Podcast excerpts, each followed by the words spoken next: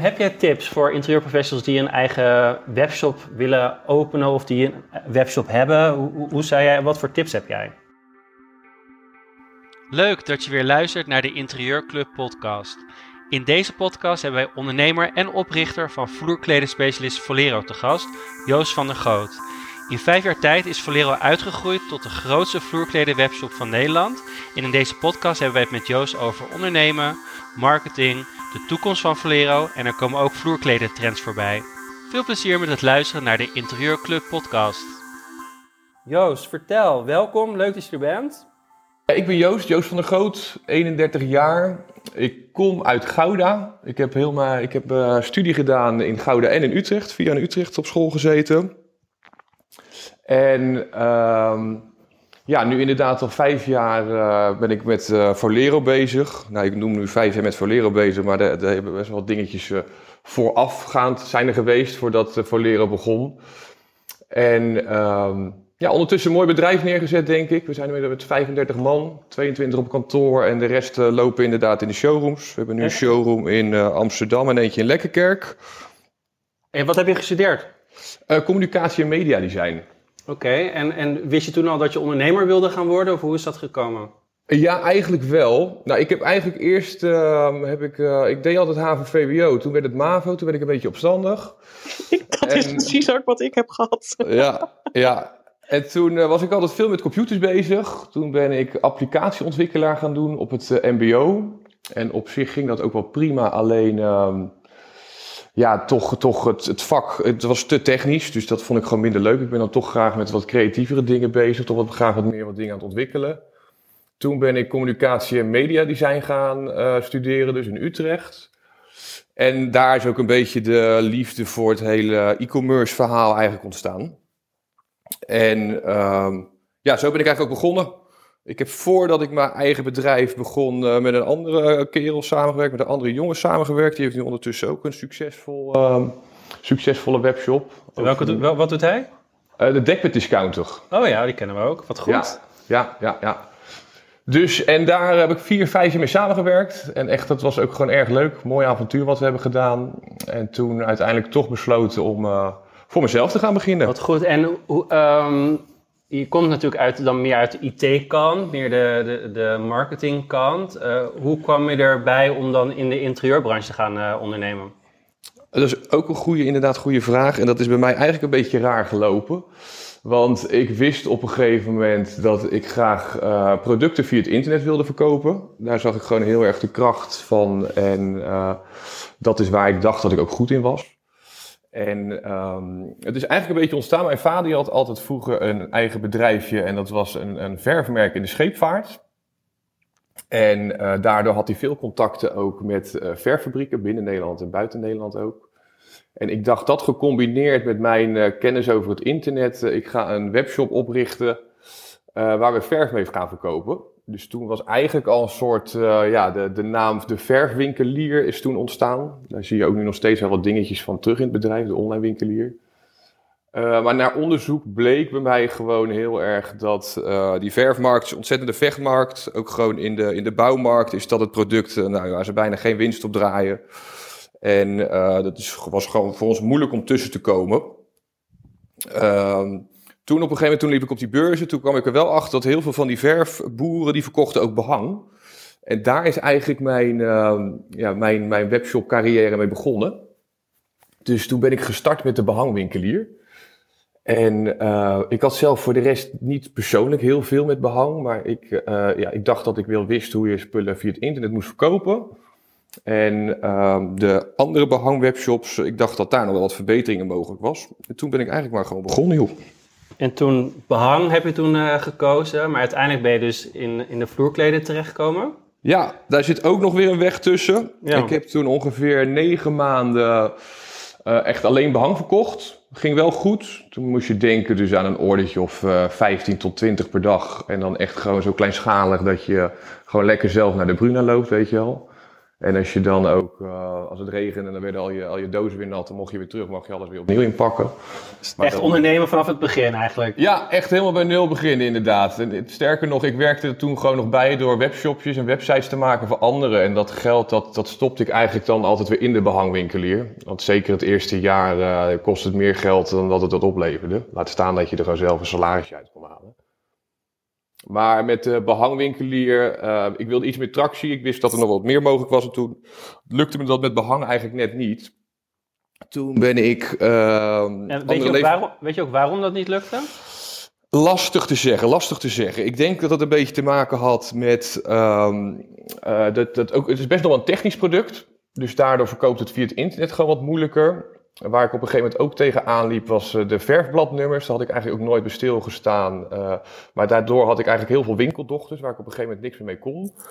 En um, ja, omdat het een wat technische product was, heb je gewoon wat meer overtuigingskracht nodig op het internet. En dat kon ik op dat moment gewoon ook nog niet bieden. Ook niet met, uh, met het geld, laat maar zeggen, wat ik erin kon stoppen. Maar ik had al wel het webshopje, dat draaide allemaal al. Toen had ik ook al een samenwerking met een logistieke partner, een verfilmmentbedrijf. En toen ben ik eigenlijk relatief snel, dus na negen maanden, begonnen om uh, woonartikelen gewoon in de brede zin ook toe te gaan voegen. Waaronder dus vloerkleden, maar dat was eigenlijk net zo gericht op, uh, op stoeltjes, salontafeltjes, lampjes. Gewoon alles in de hele brede zin. Dus je bent eigenlijk van een soort van niche eigenlijk breder gegaan? Ja, ja. ja. werden we wat meer de generalist inderdaad. Ja, klopt. En toen is de woonwinkelier ontstaan. En toen we de woonwinkelier hadden, toen begon het echt wel een beetje te lopen. En dat, dat kwam omdat ja. je breder ging? Of uh, dat, dat je de marketing anders deed? Of hoe, waarom? Ja, nou in, dat, in die tijd is ook weer een compagnon erbij gekomen. Wij doen het met z'n tweeën. We zijn twee eigenaren van het bedrijf. En uh, wij zijn allebei ook gewoon... Onze achtergrond is best wel een beetje het online marketing verhaal. Dus die inzet werd toen gewoon beter. En op dat moment hadden we ook voor ons gevoel gewoon een beter product... wat we op, die, op dat moment beter konden vermarkten. En uh, zo is eigenlijk ook, ja, gek genoeg, steeds meer de focus op het product vloerkleed ontstaan. He, we hadden na een tijdje misschien vier categoriepaginaatjes met, met stoelen. Op het begin hadden we er misschien twee met vloerkleden. Op vloerkleden zaten al heel snel twintig. En de rest bleef eigenlijk een beetje stilstaan. Dus eigenlijk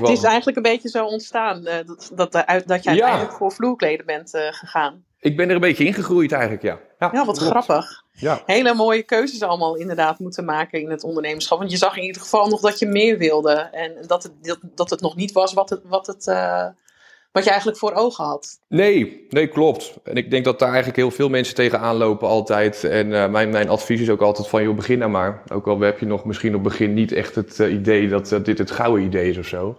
En dan loop je vanzelf tegen dingen aan ja, die je verder helpen. En als je, als je niet begint, dan ga je er sowieso niet tegenaan lopen. Dus er gebeurt er helemaal niks. Absoluut waar. dat is sowieso uh, waar. Ja, ja absoluut. En, en, je bent toen inderdaad van uh, de woonwinkelier, uh, ben je toen meer een niche gaan... Je hebt, ja. Eigenlijk heb je een niche gevonden in vloerkleden. Klopt, klopt. Toen heb je ook je naam veranderd. Lijkt me ook wel spannend, of niet? Een hele spannende tijd was dat inderdaad. Ik was zelf ook het minste fan ervan. Ik, we waren toen met een mannetje of zes, zeven. En toch echt best wel wel een bedrijfje. Dan moet je denken aan nou, tussen de 8 en de 12.000 euro omzet per dag ongeveer. Dus het begon echt wel een beetje te lopen. Het was, uh, we deden leuk mee. Alleen uh, ja, klopte de, de propositie, die klopte gewoon helemaal niet meer met wat we aan het doen waren. Eigenlijk wat er bij de behangwinkelier gebeurd was, waar we wat breder gingen, gingen we nu eigenlijk juist meer de diepte in. Maar iedereen dacht dat ze bij een, gewoon een woonwinkel kochten. Maar ja, eigenlijk waren we in die tijd al een, uh, gewoon een vloerkledenspecialist. Want ik denk 80% van wat we verkochten was vloerkleed. En bijna alle, alle marges die we maakten waren ook op de vloerkleden. Dus toen er toch voor gekozen om uh, ja, ons helemaal op die niche te gaan specialiseren en inderdaad de naam te wijzigen. En dat is eigenlijk nog maar 2,5 jaar uh, geleden, ruim 2,5 jaar geleden.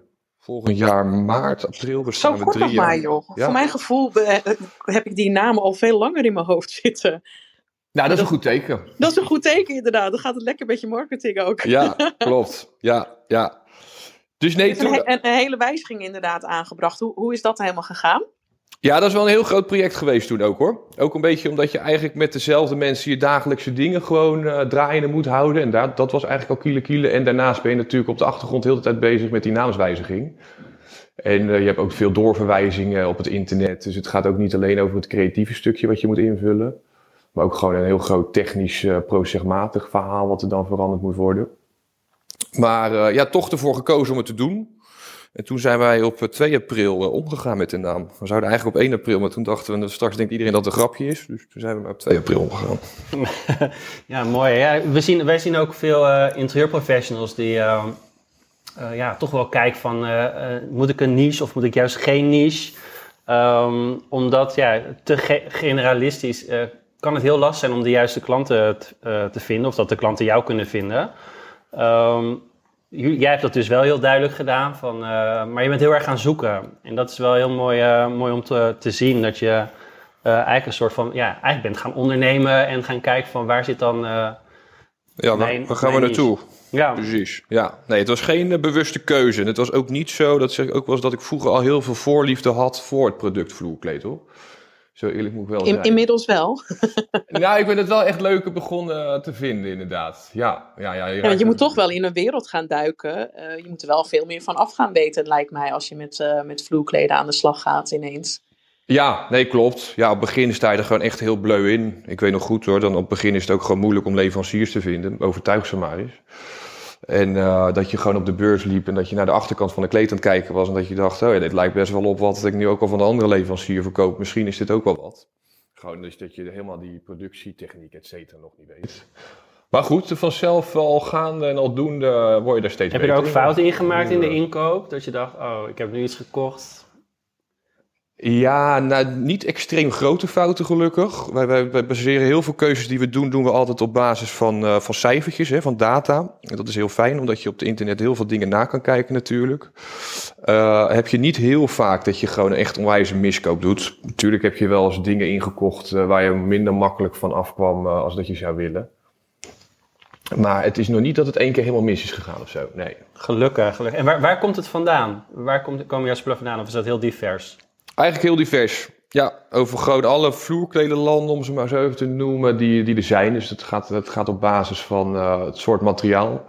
Dus wij halen veel machinaal geweven vloerkleden uit uh, België en uit Turkije. Uh, veel natuurlijke producten halen we uit, uit India. Dan moet je denken aan katoen, jute, wol, sisal, sisal. En dan halen we ook nog wel wat dingen uit Indonesië. En ook nog wat dingetjes uit China. Dus moet je daar zelf ook heen of dat, doe je, doet, dat laat iemand anders doen? Uh, nee, dat doe ik zelf ook. Want ik vind het zelf ook een van de leukste dingen om te doen. He, want dan komt het weer een beetje bij gewoon het, het ondernemen creëren. Of dat dan een nieuwe webshop is of een nieuwe collectie vloerkleden. Dat is voor mij eigenlijk een beetje om het even. Alleen uh, ja, vanwege de corona's is het allemaal wat lastiger tegenwoordig natuurlijk als dat het vroeger oh, was. Ja. Joh. ja, ja, ik denk dat meer mensen daar wel last van hebben. Hoor. En hoe doe je dat nu dan? Want je, kan dus, je hebt een tijd niet af kunnen reizen naar die landen. Hoe, hoe doe je dat? Nee, ik heb die mensen toen allemaal in het echt ontmoet via beurzen. En we hebben nog wel één of twee keer gehad um, dat zij onze kant zijn opgekomen. En toevallig nu bijvoorbeeld voor aankomende februari zijn we een trip aan het plannen om zelf dan uh, naar India te gaan. Maar bijvoorbeeld Turkije, die, die, dat hebben we nog wel kunnen bezoeken uh, voordat het hele coronaverhaal uitbrak. En uh, België, dat is natuurlijk iets makkelijker te bereizen. Dus maar India en China, op die manier uh, heb ik nog niet bezocht, nee. Oké, en, en waar staat Volero, nu eigenlijk? want je vertelde net hoeveel medewerkers je had. Kun, kun je daar nog iets meer over vertellen? ja hoor, ja. nou, wij zijn de, dus de, de grootste niche webshops in vloerkleden van Nederland. En um, ja, wat ik net al zei, hè, twee showrooms, kantoor. We zijn nu druk bezig met een nieuw kantoor. Uh, je moet bij aantallen denken ongeveer tussen de 20 tot 30.000 vloerkleden per maand. Dus dat is wel echt een uh, flinke bubs. 20.000, 30.000, wauw. Ja, ja. Dus wat is dan ongeveer je omzet of, mag je, of wil je dat niet vertellen? Uh, nou, in de twinkel staan wij nu op plekje, uit mijn hoofd gezegd, 182. En dat was vorig jaar met, met 16 miljoen euro. Oké. 16 miljoen. Ja, en dit jaar groeien we nog wel iets, maar dat hou ik nog even in het midden. Ja, begrijp ik. En, en hoe is uh, Black Friday voor jullie gegaan? Goed, ja? goed. Ja, zeker. En dat was best wel spannend eigenlijk, want ik had het niet verwacht. Zeker niet, uh, en ik weet niet hoe, of jullie daar op die manier, op dezelfde manier mee omgaan. Maar we hebben natuurlijk vorig jaar uh, die lockdowns allemaal gehad, hè, met het hele corona-verhaal. Nou, toen ging het online eh, ging het helemaal los met uh, vooral september, oktober, november. En dit jaar, september en oktober, moesten we eigenlijk meer marketing doen om dezelfde omzetten te behalen als dat wij dat jaar daarvoor hebben moeten doen. Dus ik denk, nou, dat zal in november ook wel een beetje die kant op gaan. Maar eigenlijk hebben we in november weer heel goed geplust ten opzichte van het jaar daarvoor. Dus daar waren we wel erg blij mee. Ja. Wat goed. En, en met de orders en met de, eh, de bestelling is ook alles goed gegaan? Of, of, of vertraging? Of, want... Nou, een stuk beter als vorig jaar. En dat was eigenlijk ook een beetje de, de, de doel, doelstelling voor dit jaar. Vorig jaar zijn we heel hard gegroeid. Toen in 2020 zetten we er 16 miljoen om en het jaar daarvoor deden we 6. Dus nou ja, dat met alle leveringsproblemen, uh, moeilijk mensen kunnen inwerken, omdat iedereen thuis moest werken, et cetera, was het gewoon een heel uitdagend jaar, waardoor eigenlijk de druk te lang bij iedereen op de ketel stond. Dus dan zit je bijna op een gegeven moment dat je denkt van, oeh, gaan we niet kapot groeien, weet je. Als ik nou nog drie zieken erbij krijg, dan is het echt foute boel. Dus toen hebben we ook begin dit jaar gezegd van joh, we doen gewoon even rustig aan en eerst even zorgen dat alle processen gewoon beter staan, dus de automatisering verder uh, doorgetrokken is. En ehm, dat gecombineerd ook nu met dat de voorraden makkelijker uh, op orde zijn te krijgen, is dat we er eigenlijk dit jaar veel beter en rustiger doorheen gaan dan de voorgaande twee jaar. Het klinkt natuurlijk voor een hoop van de, van de interieurontwerpers die hier in de room zitten van echt die, die getallen natuurlijk best wel uh, indrukwekkend. En echt chapeau voor wat jullie hebben neergezet in zo'n korte tijd. Maar het, het, het in meer dan verdubbelen van je omzet, wat heb je daar allemaal voor moeten doen? Of wat heb je daar voor keuzes voor moeten maken? Uh, ik denk dat het een beetje op meerdere vlakken altijd is. Het is niet dat je één ding dan bijvoorbeeld opeens uh, heel goed doet of zo, denk ik. Het is denk ik een beetje van dit en een beetje van dat. Maar wat wij zagen, en uh, daar waren we ook net wel een beetje op tijd mee, dus dat is ook ergens wel een beetje geluk. Wij ehm, zijn vorig jaar, dus niet dit jaar januari, maar vorig jaar januari voor het eerst begonnen ook met televisiecampagnes. En daardoor, daarvoor zaten we een beetje tegen de aan van, joh, wat is het nou? Gaan we gewoon door op de manier zoals we nu doen en dan gaan we ieder jaar, uh, ik zeg maar wat, uh, eh, 25% groeien ongeveer of zo, maar dan duurt het gewoon heel lang en dan uh, is het wat minder spektakel. Of willen we gewoon echt nog gas geven en is er echt nog ruimte? En toen hebben we er toch voor gekozen om dat wel te doen. Televisie is wel een hele dure hobby, dus daar, daar zit je wel echt gewoon even goed over na te denken. Maar dat, dat heeft zich uiteindelijk voor ons wel uitbetaald. Ja, dus eigenlijk ook wel investeren in marketing. Ja, een tv of dat je gewoon uh, af en toe een Facebook promotie misschien zou doen voor een interieurontwerper. Dat is wel lonend in, uh, in jouw ogen. Ja, nee, zeker. Ja, zeker. Ja, het ligt er een beetje aan wat, wel, wat het concept is voor je hoor. Als je bijvoorbeeld iets, als je een interieurspecialist uh, bent en je zit inderdaad bijvoorbeeld juist op één niche, of, dan heeft het natuurlijk niet zo heel veel zin om dat maar te gaan promoten op televisie. Want dan ben je wel heel erg met hagel aan het schieten. Dat gaat er natuurlijk nooit opleveren. Waarbij een concept zoals voor ons, eh, dat is gewoon een hele grote doelgroep, is dat gewoon uh, prima te doen. Maar wat bij, ja, bij ons wel een beetje de insteek is, gewoon zeker op het begin uh, flink uh, veel bereik inkopen. Dat is eigenlijk de enige manier om, om je naamsbekendheid en die verkopen naar je toe te trekken. Ja, en, en heb je een duidelijk beeld wie jouw doelgroep is? ook wel redelijk. Ja, ja, we hadden eerst, was het vrouw 24 tot 44 hadden we ongeveer. En dan vooral de wij zaten zeker toen, en nu is het wel iets verschoven, een beetje midden-laag segment met de vloerkleden. En uh, een beetje dus de, dames die net van school uh, net afgestudeerd waren en gingen verhuizen naar hun eerste echte huisje, dus uit studentenhuis. En gewoon de beginnende moeders, de, de, de middeninkomens gewoon, een hele grote groep. Maar wij zien wel dat het wat verschoven is, ook omdat uh, op de televisie bijvoorbeeld, er zijn heel veel aanwezig geweest op tv en radio. En vooral tv is tegenwoordig best wel een wat oudere doelgroep. En ehm, ja, die groep die bereikten we hiervoor nooit. En die autoriteit die kregen we ook niet door alleen maar via het internet aanwezig te zijn. Dus die hebben we er gewoon bij gekregen. Dus ik zeg nu is het eigenlijk altijd gewoon vrouwen 24 tot en met, nou ja, wat zal het zijn, 70? Die een vloerkleed willen hebben eigenlijk. Ja. Zo, nou dat is een grote, grote doelgroep. Ehm, en ik, vroeg me ook af, uh, je ziet natuurlijk heel veel uh, bedrijven die juist extra op online gaan inzetten. Maar jullie hebben ervoor gekozen om nu juist een winkel te gaan openen. Toch? Klopt. Van, van waar die keuze? Want je, je, volgens mij heb je een supergrote showroom uh, hebben neergezet. Uh, hoezo heb je een keuze gemaakt om het dan juist offline te gaan doen? Uh, dat is sowieso een trend die je wel ietsje meer ziet, hè, bij andere webshops ook. En uh, bij ons zagen gewoon, het ligt er ook weer een beetje aan in welk product je zit. Maar ons product, uh, zeker als je dus wat hoger in het segment ook wil gaan zitten. Voor mij is het een hoger segment, dan praat je bijvoorbeeld over 500 euro voor een, normaal maatje vloerkleed. Een 1,60 bij 230. Dan is het gewoon erg lekker voor de consument om, um, het gevoel te hebben dat er een winkel is en ook dat er echt een winkel is. En wij merkten toch ook dat er best wel vaak ja, behoefte was op de klantenservice van vragen van joh, kan ik het ergens in echt zien? En nu hebben we inderdaad in Amsterdam een grote winkel geopend. Maar daarvoor hebben we al een soort test showroom geopend in, in Lekkerkerk. En dan zeg je Lekkerkerk, wat, waar, waar, ligt dat? Nou, dat ligt in de rook van Rotterdam. En toevallig waren wij daar terechtgekomen omdat onze logistieke partner zit daar ook. En deze kan vrijen, toen hebben we dat getest. En eigenlijk vanaf het begin liep dat meteen storm. En uh, het werd op een gegeven moment gewoon te klein. Dus wij moesten groter. En toen is Amsterdam erbij gekomen. Ik kan me wel heel goed voorstellen dat mensen soms de behoefte hebben om eerst een vloerkleed te zien en te voelen, zeg maar, voordat ze iets online bestellen. Dus het is heel goed dat jullie daarop ingespeeld zijn, denk ik. En is er ook zoiets dat jullie stalen uh, leveren eventueel? Uh, nee, dat doen wij niet. Ik, veel van mijn collega's die doen dat wel. Maar ik vind het een hele lastige, omdat zeker als je bijvoorbeeld een, ik zeg maar wat, een vloerkleed voor 1,60 voor, voor 80 tot 100 euro verkoopt. En als je daarvoor een hele stalen service moet oprichten, dat, dat kan gewoon niet uit als je dat op een gegeven moment gaat uitrekenen. Als je juist er in het wat hogere segment zit, dan, uh, dan, dan is het waarschijnlijk een stuk makkelijker te doen.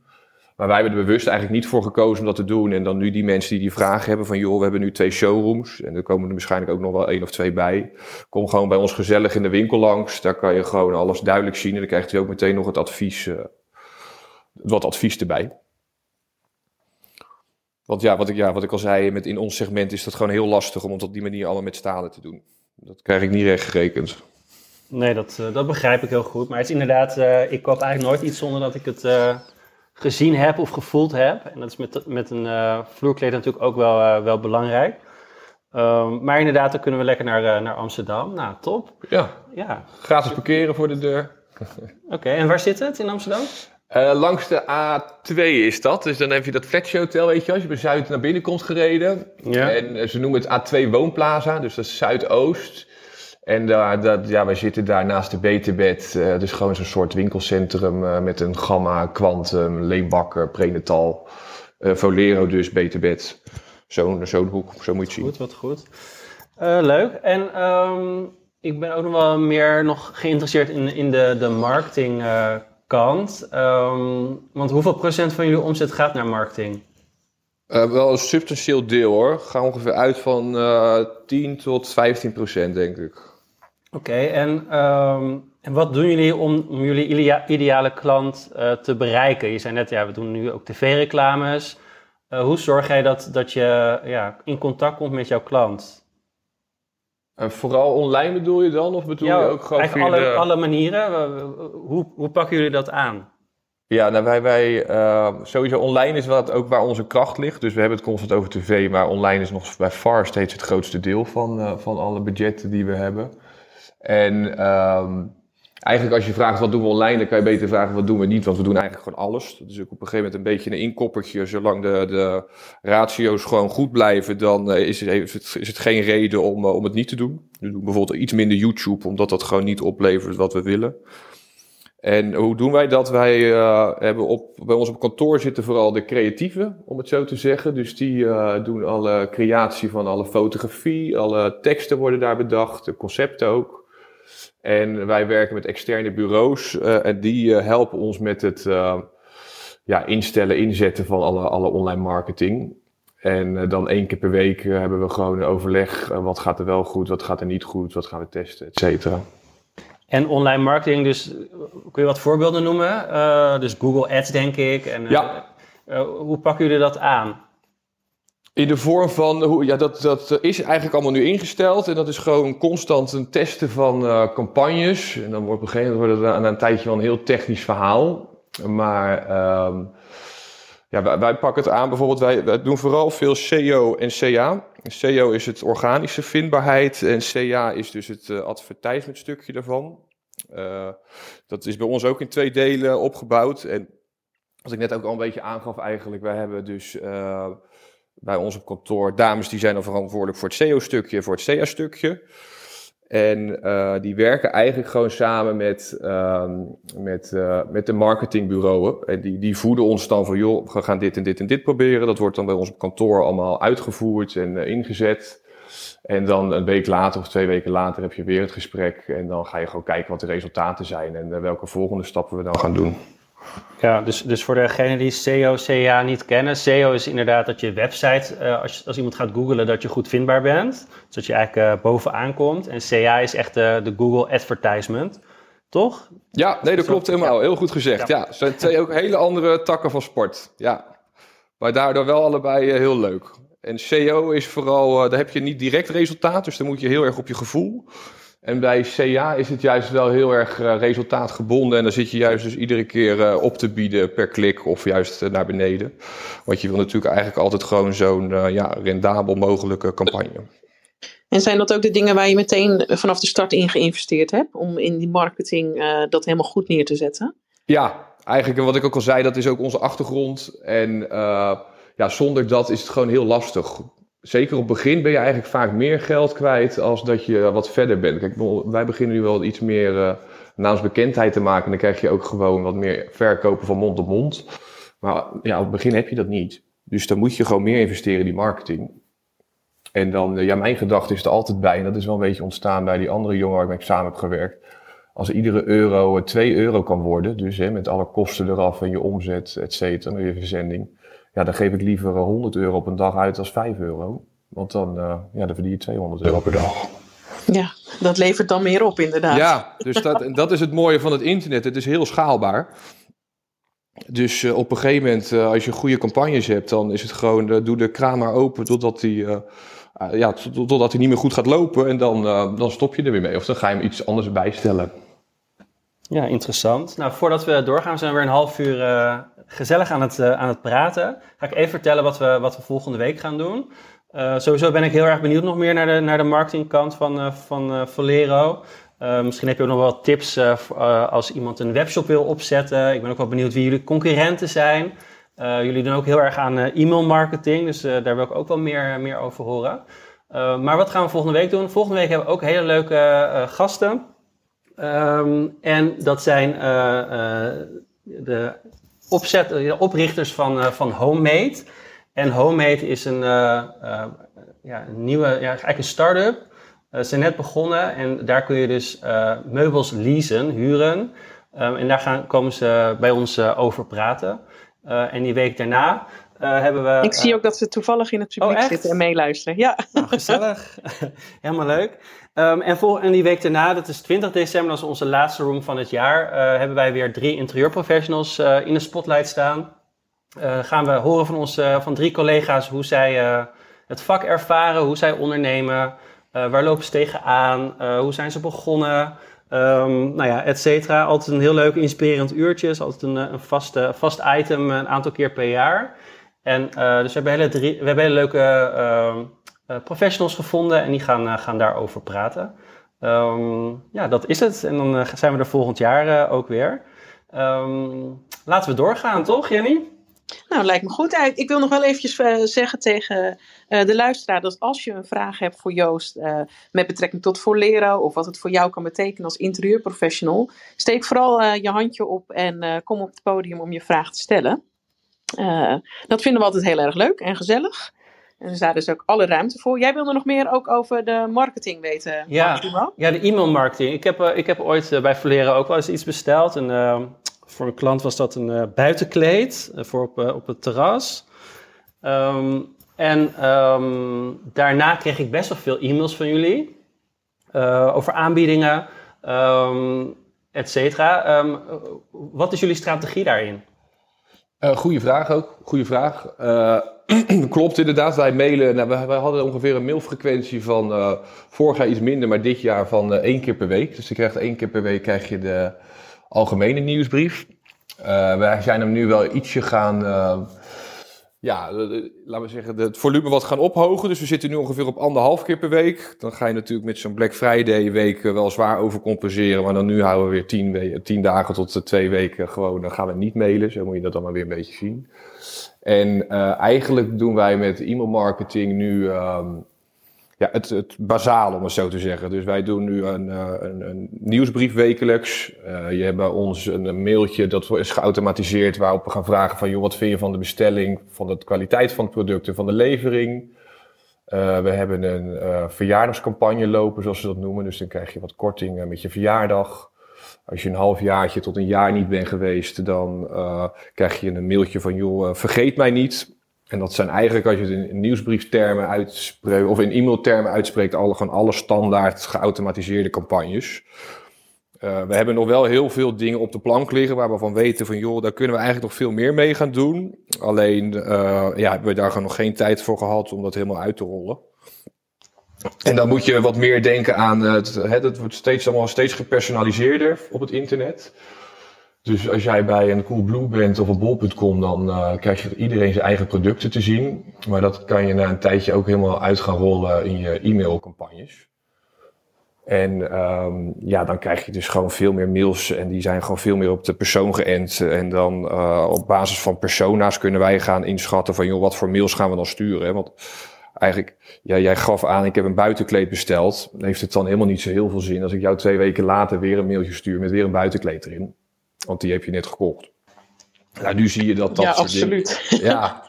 ja, en wat je zegt, dat hele persoonlijke. Ik, ik krijg best wel wat uh, e-mail marketing natuurlijk ook in mijn mailbox binnen. Maar hoe persoonlijker het wordt, hoe interessanter het inderdaad is om te gaan lezen. Klopt. En hoe meer betrokken je erbij bent. Dus dat, uh, dat is wel een mooie investering, denk ik, die kan die jullie opmailen daarmee. Dat ja, dat denk ik ook. En dat verdient zichzelf denk ik ook. Of hij, hij wordt steeds, uh, dat, dat, dat wordt, wordt steeds sterker, want het vergroot zich steeds, steeds meer, omdat je de klant steeds beter leert kennen. Alleen, uh, ja, er zit ook best nog wel wat technische achtergronden om het allemaal in te stellen. Dus dat is waar we nu eigenlijk druk mee bezig zijn. Ja, en, en maar en uh, het, de frequentie, het aantal keer mailen, um, waarom is daarvoor gekozen? wat is daar de strategie achter? I, nee. Ja, goede vraag ook. Eigenlijk als je die automatisering dus nog verder eroverheen wil leggen, dan uh, ga je ook gewoon de frequentie ook in groepen indelen. Sommige mensen die bijvoorbeeld twee keer per week een mail krijgen, maar nog twee keer openen en um, ook, die blijft ook goed converteren. Dus daar komt ook gewoon nog de goede omzet uit. Ja, waarom zou je die na een tijdje niet drie of vier keer gaan mailen zelfs? Want diegene vindt het gewoon relevant en interessant. Maar als jij iemand hebt uh, die, ik zeg maar wat, afgelopen vier maanden nog geen nieuwsbrief heeft geopend ja, waarom zou je die dan iedere week een nieuwsbrief moeten gaan sturen? Want voor die is het juist weer niet zo relevant. Uh, dat zijn dingen waar, uh, wat we nu nog niet goed doen, maar waar we wel mee bezig zijn om dat volgend jaar te, gewoon te gaan verbeteren. En dan gecombineerd met dat het nieuw, of dat e-mailtje wat je krijgt gewoon veel meer in lijn ligt met wat wij denken dat jij leuk vindt. Of wat, wat voor jou interessant slash relevant is. Dan uh, ja, hopen we daar ook gewoon stappen in te gaan maken. Ja, super, super. Ja, ik, ik moet zeggen, tijdens Black Friday en, uh, werd ik zoveel gemaild door al die bedrijven. Ik werd helemaal gek. Toen heb je ook bij heel veel afgemeld, of ja, niet? Ja, ab ja, absoluut. Ja, ik heb echt, uh, er waren zelfs bedrijven die drie, vier, vijf keer per dag een mail gingen sturen. Laatste uur, laatste dit. Ik dacht, doe normaal. Dat kan, kan gewoon echt niet... Uh, als je echt mensen kwijt wil, dan moet je het op deze manier doen. Maar ja. blijkbaar werkt het wel, ja. Ja, ja, toch wel. Want anders zou je het na een tijdje natuurlijk niet doen. Nee. Nee, nee. Interessant. Ja. Interessant. Um, heb jij tips voor interieurprofessionals die een eigen webshop willen openen of die een webshop hebben? Hoe, hoe zou jij, wat voor tips heb jij? Goede, goede, leuke vraag ook. Ja, dat ligt er een beetje aan in de vorm van wat voor soort product ze willen gaan aanbieden. Dus denk daar eerst eventjes over na. En uh, ook wat, je, wat ik net al zei, uh, ben niet constant uh, bang of zo om te gaan beginnen. Of dat zie je heel veel beren op de weg. Maar begin maar gewoon. Want ik weet ook nog toen ik zelf begon, toen, uh, nee, ik was afgestudeerd op HBO, heel veel vrienden, daar ze, ze lachten je niet uit door dat niet, maar die zeiden van, joh, wat ga je nou doen? Ga ook gewoon lekker zo'n marketingbaantje doen met een bruto salaris en uh, kijk maar wat er van komt. En toen zei ik, nee. Ja, lekker de veilige weg kiezen. Ja, hè? nee, ik, ik, wilde dat inderdaad niet. Ik had dit voor, voor ogen en dan, uh, dan wil, wil je er ook gewoon voor gaan. Maar je moet niet het idee hebben dat het vanaf begin meteen aan helemaal perfect hoeft te zijn of, of 100% sluitend of zo. Dat gaat zichzelf op een gegeven moment wel een eigen weg vinden, denk ik. Ja, dat, daar ben ik het helemaal mee eens inderdaad. En je ziet toch wel dat heel veel startende ondernemers, daar werk ik natuurlijk heel veel mee, dat die daar zo tegenaan lopen dat ze... Of ze willen het inderdaad helemaal eerst perfect hebben en alles afgerond hebben qua studies, wat er allemaal is in het interieurvak, voordat ze ook maar überhaupt uh, uh, zichtbaar zouden willen zijn. Daar ligt denk ik ook wel een groot eh, deel bij de interieurontwerpers in, eh, in ieder geval. Maar wat jij zegt, ja, het klopt helemaal. Ga gewoon doen en gaandeweg je, leer je vanzelf en ontdek je vanzelf welke kant je op moet met je bedrijf. Ik vind dat jij met wat je nu uh, eventjes kort al verteld hebt, dat je dat echt wel heel mooi, mooi gedaan hebt. Met hoe je gestart bent en waar je nu staat, moet je kijken joh. Want ja, nee, dat is ook zo hoor. En dat is gewoon ook, het is ook gewoon hartstikke leuk. Je moet gewoon even de stoute schoenen aantrekken. En ook, er gaan heel vaak ook dingen niet goed hoor, maar daar moet je maar gewoon ook mee omproberen te gaan. En uh, altijd een beetje wat grotere plaatje blijven zien. En het ook gewoon als een avontuur zien. Dus niet altijd alleen maar de dingen benadrukken die niet goed gaan, maar ook de dingen juist die wel goed gaan, uh, daar af en toe ja, juist de nadruk op leggen. En het een beetje vieren af en toe ook. Wat goed. Toch wil ik even naar de dingen die niet zo goed gaan. Ja. Um, wat de zijn dingen... De nieuwsbrieffrequentie. Oh nee, nee, nee. Oh, nee. dus ik ben ook niet de doelgroep, dus misschien is, nee. gaat het daar al mis. nou, je hebt wel wat gekocht, dus dat is wel Ja, dat is waar, dat is waar. Ja. Um, ja, jij bent geen 44-jarige vrouw, hè, nee, Oké, okay. um, dus even kijken. Ik wil het hebben over uh, de struggles, de, de, de, de dingen. natuurlijk gaan er dingen niet, niet, uh, soms niet goed. Kun je daar wat over vertellen van de afgelopen vijf jaar? Wat zijn nou echt dingen, fouten die gemaakt zijn? Of dingen dat je echt dacht, ah, of, of, reviews. Ik heb ook naar jouw reviews zitten kijken. Denk, nou, dat kan ook wel beter. Maar ja, dat, dat ligt natuurlijk ook aan het, het, het uh, aan het groeien. En jullie groeien zo hard um, dat er soms ook dingen misgaan. Kun je, kun je daar wat over vertellen? Ja hoor, zeker. Ja, en dat is, ik denk in iedere fase van je bedrijf loop je weer tegen andere dingen aan. Ik heb nu weer ander soort problemen als dat ik vroeger had. En op het begin, uh, ik zit er nu wel ietsje relaxter in als op het begin. Op het begin is het gewoon heel erg stressvol. Uh, want je leeft een beetje van uh, maand naar maand toe. En wat ik net ook al zei, op het begin is het zelfs zo dat je je moet bewijzen bij leveranciers. En dan denk je van, joh, ik kom toch wat kopen. Van waarom doe je er nou zo moeilijk over? Maar ja, die leverancier denkt ook, ja, ga ik hier tijd aan besteden? Want misschien koop je één keer een kleedje en that's it. Dus dat gooi je soms een beetje binnenbluffen. En uh, toen was het ook gewoon, ja, die omzet die was nog niet uh, ja, goed genoeg om echt een heel bedrijf op kunnen te runnen. En uh, daardoor had ik dus die andere, dat andere bedrijfje ernaast waarvoor ik die websites maakte. En in die tijd was het gewoon nog heel moeilijk, omdat je dan steeds meer verschillende dingen met balletjes in de lucht moet houden. En dat, dat werkt gewoon niet. Dus ik was heel blij dat ik binnen een jaartje toen eigenlijk gewoon vol ervoor kon gaan. Dus echt die focus erop. Ja, het is 100% focus. En dat, dat, dat uitzicht bij ons dus bijvoorbeeld zelfs al in de productkeuze. Gewoon, toen wij de keuze hadden gemaakt om die vloerkleden te doen, toen kwam er veel meer rust binnen het bedrijf en mensen snapten het ook veel meer. Focus komt inderdaad ook altijd heel vaak uh, naar voren. Ook Jenny heeft het daar uh, heel ja, vaak over. Het is de over. eerste module van mijn coachingstraject. We gaan ja. meteen met focus beginnen, want ja, anders... Uh, ja, dan ben je gewoon de weg kwijt als je niet weet waar je op moet gaan richten. En als je gewoon keuzes maakt op de juiste gebieden en terreinen, ja, dat, uh, dat helpt je gewoon enorm om, uh, om een goede groei of om een goed bedrijf neer te gaan zetten. Ik ben fijn dat je dat ook aanhaalt, Joost. Ja, en ik denk ook gewoon inderdaad, als je nergens voor kiest, uh, als je geen keuzes maakt, dan gebeurt er eigenlijk ook helemaal niks. Dus geen keuzes maken is nog slechter dan de verkeerde keuze maken, zeg maar. Oh, absoluut. Als je de verkeerde keuze maakt, dan kan je daarna altijd wel weer proberen. Daar leer je van en dan uh, neem je daarna een andere keuze en dan ga je kijken hoe die weer uitpakt. Ja, klopt, klopt, klopt. En waar ik daarna ook vooral een beetje tegenaan liep, en dat was voor mij gewoon heel erg nieuw. En dat had dus ook ermee te maken dus dat we zo hard groeiden. Uh, was op een gegeven moment gewoon het stukje manage het maar allemaal is. Mijn, mijn werk is toen gewoon binnen een jaar echt helemaal uh, omgeschoven. Van zelf heel uitvoerend naar eigenlijk veel meer zorgen dat alles in de goede banen geleid wordt. En ja, dat, dat, dat, dat wordt op een gegeven moment ook van, van je verwacht, hè, die rol. Maar ja, pas jezelf maar zo snel aan. En toen gecombineerd ook nog met wat langdurige zieken bij ons op kantoor, maakte wel dat het een uitdagend jaar was. Maar uh, uiteindelijk is het allemaal goed gekomen. En, uh, nu, uh, nu hebben we nog steeds ook struggles hoor, zeker. zeker. Dus vooral ook gewoon het stukje personeel is, is en blijft een uitdaging. Ik denk dat jullie daar ook allebei wel over mee kunnen praten. Want je, je... Heb, heb, je vaste mensen in dienst of werk je op freelance basis of dat soort dingen? Nee, eigenlijk alleen maar vaste mensen. Ja. ja. Ja, en daar sta ik ook juist heel erg achter. Ik snap ook niet soms van die bedrijven, dat zie je heel veel in de retail gebeuren is dat iedereen na twee uh, jaar, was dat vroeger, en nu is dat drie jaar, na tijdelijk een contract ontslagen wordt. Want ik denk juist dat het groot gedeelte van de waarde van je bedrijf zijn de mensen die bij je werken. En dat, dat laten wij bijvoorbeeld ook terugkomen met de, gewoon bijvoorbeeld onze klantenservice. Dat zijn allemaal dames die zitten er vaak al langer als twee jaar, tweeënhalf jaar. Nou, dat zie je bij heel veel webshops eigenlijk niet gebeuren. Maar wij, wij willen ze ook echt opleiden. Dus als de klant dan belt, willen we wel kunnen vertellen wat voor soort vloerkleed het is. En uh, wat, uh, wat de positieve eigenschappen ervan zijn. Maar ook de negatieve. Dus gewoon dat we de juiste vragen stellen om die klant op de juiste manier te kunnen helpen. En dat, dat krijg je niet door constant maar iemand een halfjaartje ergens neer te zetten en dan uh, weer iemand anders daar neer te gaan zetten. Nee. nee, dan ben je ontzettend veel tijd en geld kwijt om een, om een nieuw persoon weer te gaan opleiden. Ja, en het is denk ik ook gewoon niet leuk. Nee. nee. Nee, het is veel leuker om daar gewoon een goed, mooi team van, uh, voor neer te kunnen zetten. En met z'n allen wat moois te bereiken. Dan uh, ja, gewoon allemaal, allemaal van. Ja, dat je, dat je dat allemaal gewoon wat uh, onpersoonlijker aanpakt. Ja, denk ik ook. Ja. Wat, wat ik net nog eventjes wilde vragen: van, mis je dat hele uitvoerende stuk ook van je werk? Of ben je juist dat stukje regie wat je nu hebt, is dat iets wat veel interessanter is? Uh, een beetje tweedelig ook. Aan de ene kant vind ik het heel leuk wat we nu aan het doen zijn.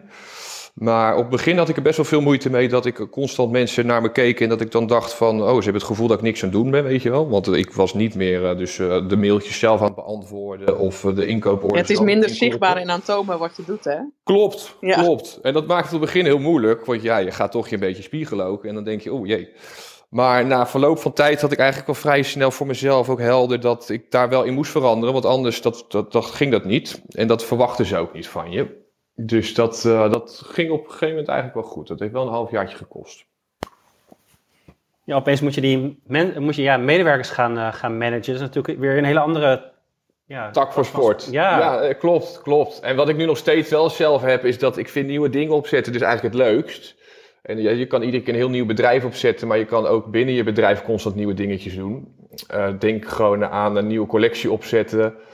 Uh, we zijn bijvoorbeeld naar zo'n nieuwe showroom. Dat was dan een project wat ik zelf uh, samen met een collega helemaal hebben opgepakt. voor volgend jaar bijvoorbeeld hebben we weer folero.de wat op de plank ligt. Ja, en daar krijg ik zelf altijd gewoon heel veel energie van. dat ik denk van folero.de, dat is eigenlijk gewoon weer een nieuwe webshop die je mag opstarten. Dus dat is Duitsland, neem ik aan. Ja, dat is Duitsland, klopt. En, uh, dus jullie gaan Duitsland veroveren? Ja, nou dat, dat gaan we wel proberen in ieder geval, ja. ja. Of we het echt gaan veroveren, weet ik nog niet. Maar... Hoezo? Waar, waar twijfel je dan over? Uh, lastig nog, ook gewoon uh, voor ons weer een onbekende markt. En uh, ik heb natuurlijk wel onderzoek ernaar gedaan, maar ik ben ook benieuwd hoe die consument ons assortiment gaat waarderen, om het zo te zeggen ja, het is weer een andere mentaliteit natuurlijk weer in een ander land. Dus dat, we moeten altijd maar weer kijken hoe dat, uh, ja, je hebt dat oppakken. denk een beetje met smaak te maken. Ja. Mensen in Duitsland die kunnen net andere dingen weer mooi vinden als in, uh, in Nederland. Ik denk dat dat zelfs in Duitsland ook wel per, uh, per deel uh, verschilt hoor. Ja, maar ik denk wel, zoals jij met, met je data continu bezig bent, dat je daar wel iets in gaat vinden wat de Duitsers in ieder geval goed gaan vinden. En dat je je daarop gaat focussen ja, daar. Hoop ik ook, hoop ik ook inderdaad. En ook daar is het gewoon maar weer, we gaan gewoon beginnen. En een hele lage investering op begin, dus uh, geen grootse dingen, niet meteen televisiecampagnes of radio, et cetera. Nee, gewoon uh, kleinschalig beginnen. De markt ontdekken en uh, vanuit daar je stappen weer gaan maken. Exact. We hebben nu alleen het voordeel dat het hele logistieke gedeelte, et cetera, en de backbone en de productkennis en zo er allemaal staat. Maar voor de rest is het eigenlijk gewoon weer een beetje daar opnieuw beginnen. En hoe is je Duits? niet zo heel goed. Een beetje. Nee, een beetje, ja. Nee, maar wij hebben wel een, een native speaker aangenomen voor Duitsland. Ja, interessant. En um, wie zijn eigenlijk jullie concurrenten? Hoe zie je dat? In Nederland is het een beetje tweedelig. Uh, dat is de, de, de Quantum, Leenbakker, Ikea. Een beetje dat soort de grote winkels, de grote ketens. Maar dat zijn, uh, zeg ik altijd, geen niche-spelers. Maar die verkopen wel uh, de, de stuks die ze verkopen in de aantallen waar wij ze ook in verkopen. Dus op die manier. En dan heb je ook nog de andere niche webshops. Nou, dan moet je denken aan de vloerkledenwinkel, Benuta, Terpezo, vloerkleden loods. En uh, alleen wij zijn dan wel weer een stuk groter als hun, waardoor we eigenlijk wat meer uh, inkoopvoordeel hebben. Waardoor we ook wat meer marge kunnen maken, waardoor we weer wat meer marketing kunnen doen. Dus wij zitten daar eigenlijk een beetje tussenin.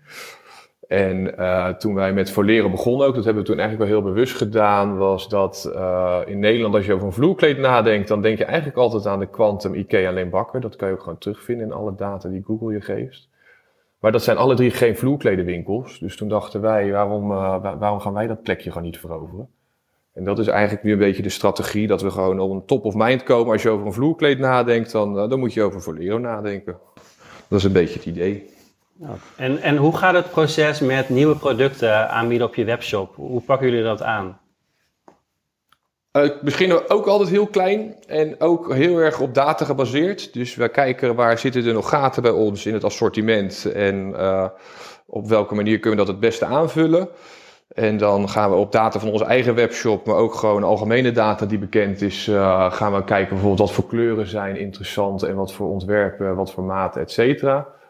En dan gaan wij eigenlijk altijd uh, um, nog uh, testen bij ons op de webshop ook. Dus dat is niet helemaal eerlijk, maar dan hebben we een product en die testen we gewoon een week lang. Van joh, wat gaan de verkopen nou doen?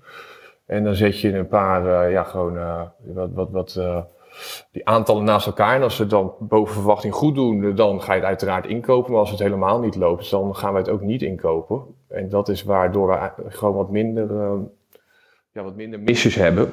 En je kan op deze manier ook heel makkelijk de verhoudingen uh, ingeschatten. Het is eigenlijk verkopen voordat je het product al hebt. Ja. En dan kijken of het, uh, of het haalbaar is om het, om het daadwerkelijk aan te gaan. Ja, en dan gaat hij een tijdje weer van de website af. En dan ga je dus kleinschalig inkopen. En op basis daarvan uh, gaat het product uh, gewoon uh, zijn weg vinden. Ja, interessant. En de merken die jullie op je website hebben staan van, van vloerkleden, zijn dat jullie eigen merken of zijn dat merken die al bestaan en die jullie dan aanbieden? Wij hebben één eigen merk, dat is Fraai. Dus dat is F-R-A-A-I in de vorm van een fraaie vloerkleedje. En dat is ook vrij home living. En dat gaat eigenlijk weer een beetje terug op uh, de woonwinkelier die we hiervoor hadden. Want dat was eerst dus een home living merk geworden. Maar dat wordt dus nu vrij carpets. En dat is ook het meeste wat we verkopen. En uh, daarnaast hebben we ook gewoon nog heel veel andere merken uh, die we aanbieden. En, die... en dat ja. zijn de gerenommeerde merken. Denk aan Brinker, Brinker Kampman, Louis de Poorte, et cetera. Maar ook gewoon wat kleinere, onbekendere merken. En kopen jullie die dan zelf in of krijgen jullie dan commissie als jullie die via de website verkopen? Hoe werkt dat? We kopen we allemaal zelf in. Dus wij hebben een magazijn in Lekkerkerk liggen met heel veel stuks. En als het bij ons op voorraad is, dan heb je het gewoon de volgende dag eigenlijk in huis. Dus wij zijn gewoon een voorraadhoudende webshop. Aha, interessant. En um, hoe, wat zijn jullie toekomstplannen? Wat, wat wil je met Valero gaan bereiken? Je hebt net al verteld dat je, dus je naar Duitsland wil uitbreiden. Uh, wat is er in Nederland nog te halen en wat, wat is er nog verder? Wat zijn jullie doelen? Wat, wat zijn jullie plannen? Ook een leuke vraag. Uh, voor Nederland uh, verder gaan op de manier zoals we nu doen. En nog meer die niche claimen. Ik denk dat we al heel erg op de goede weg zitten, maar we zijn er eigenlijk ook nog lang niet.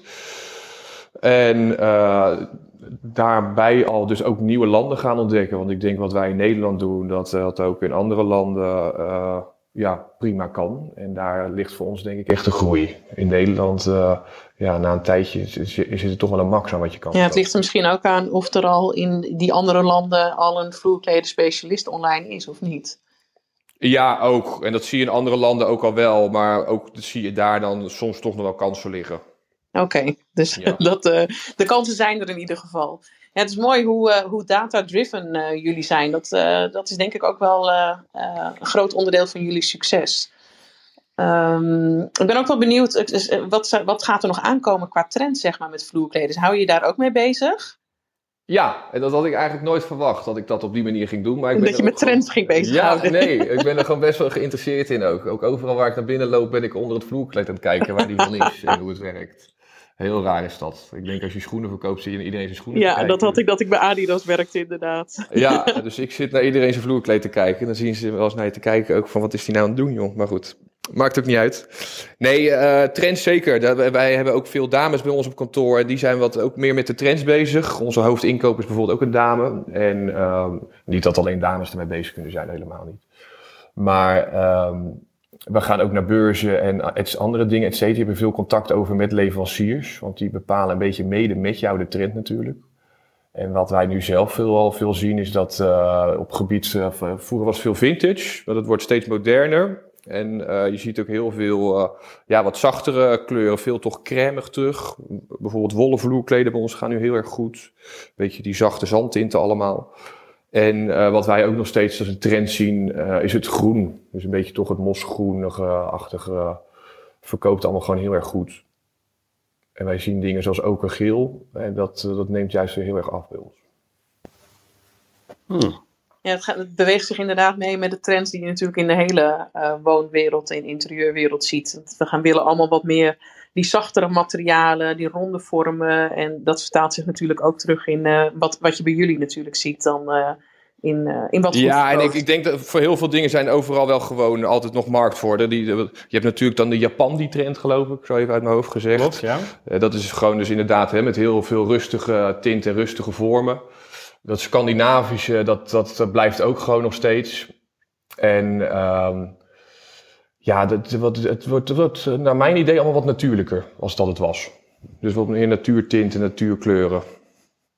Dat heb je inderdaad uh, heel goed. Uh, dat, is inderdaad wat, wat er aan gaat komen. Meer or organisch, meer inderdaad natuurtinten. Uh, dus dat, uh, dan zitten jullie op de goede weg. Heel goed. Gelukkig. um, ik denk en... dat jullie mij meer kunnen vertellen over die trends als uh, ik jullie hoor, denk ik. Hoe is jullie samenwerking met interieurprofessionals? Haal jij zelf ook interieurprofessionals naar jouw bedrijf toe? Of hoe, hoe, hoe, doe je dat? Nou, eigenlijk nog minimaal. En dat was ook een van de redenen waarvoor ik gewoon dit gesprek in ging. Ik wil dat meer gaan doen. Ook gewoon omdat ik die kennis meer binnen mijn bedrijf wil hebben. En uh, ook, wij, staan eigenlijk best wel open voor bepaalde samenwerkingen. Ook met bekende interieurontwerpers. Van joh, uh, wij hebben alle kanalen en het verkoopkanaal al om vloerkleden aan te bieden. Dus misschien is het ooit ergens wel mooi om een keer een samenwerking met een interieurspecialist of een interieurontwerper op te starten. Om eens te kijken van joh, wat er daar nog mogelijk is. Nou, interessant. Dat voor de luisteraars, uh, ja, mocht je daarin geïnteresseerd in zijn, dan uh, moet je Joost even een, een mailtje sturen. Ja, um, kan altijd. Ja, toch? Ja. Uh, verder, um, wat wil je nog meer kwijt aan onze luisteraars? Heb je nog dingen die wij gemist hebben? Nee, niet zo heel veel. Nee, nee. nee. Nee, ja, wat ik al zei het begin ook. En het begin gewoon, het is echt wel leuk. Het is een leuke avontuur. En um, ja, ja, en wat maakt uh, Volero uniek, vind jij? Uh, de plek die wij nu in de markt innemen. Dus wat ik al zei, wij zijn een, de niche webshops, dus de, de grootste aanbieder in Nederland van, op het gebied van vloerkleden. En ook assortiment technisch. En uh, laat maar zeggen, in de, in de aantallen die we verkopen, is het dus van de grote jongens, waardoor we het ook voor die prijzen kunnen aanbieden, maar wel met het uitgebreide assortiment van de specialist en ook de kennis uh, die je verwacht van een specialist. Dus op die manier uh, hebben wij een apart plekje gewoon in, in de vloerkledenmarkt. Ik las nog wel in een interview dat je wilde niet gezien worden als een stoffig tapijthuis. Dus nee. dan ben ik, ben ik nog benieuwd van hoe wil je dan wel het liefst gezien worden? gewoon als een trendy vloerkledenwinkel. Ja. Ja, ja. Nou, ik denk dat jullie daar heel goed mee, uh, mee bezig zijn om dat zo neer te zetten met wat je zegt. Alle, dat, alle dat ging ook meer toen over de, de winkel hoor. Want wij oh. hebben de winkel is eigenlijk een soort afspiegeling gewoon van de webshop zoals die is. En eh, je denkt er heel snel als je aan een vloerkledenwinkel natuurlijk nadenkt over de ouderwetse persenhuizen die je vroeger had.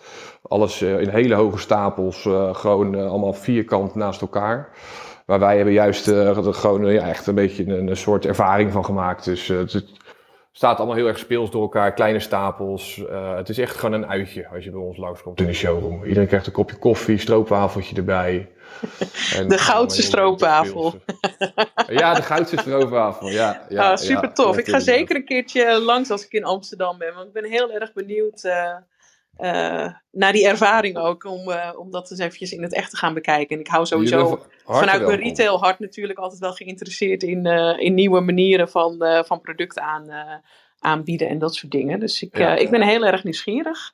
Ik denk dat we hem ook gaan afsluiten nu bij deze, Joost. Ehm, nou, bedankt we zijn, dat je zijn uitgenodigd, ja, heel erg bedankt voor, uh, voor alles wat je uh, met ons gedeeld hebt. Super interessant om te zien inderdaad hoe jullie met data werken en hoe jullie uh, ja, continu nieuwe kansen zien en jezelf uitdagen om gewoon continu een stap verder te gaan. ik denk dat het heel waardevol was ook voor onze luisteraars. Dus dank daarvoor dat je, dat je hier was om dat te delen. Top, en, top, top, Bedankt dat ik mocht komen. Vond het leuk. Ja, uiteraard. En onze luisteraars ook weer bedankt voor het, voor het meeluisteren en, en hier aanwezig zijn. En dan wensen we iedereen nog een hele fijne middag en zien we jullie volgende week weer terug. Dankjewel voor het luisteren naar de Interieurclub podcast. Wil je meer informatie over de Interieurclub? Kijk dan op www.deinterieurclub.com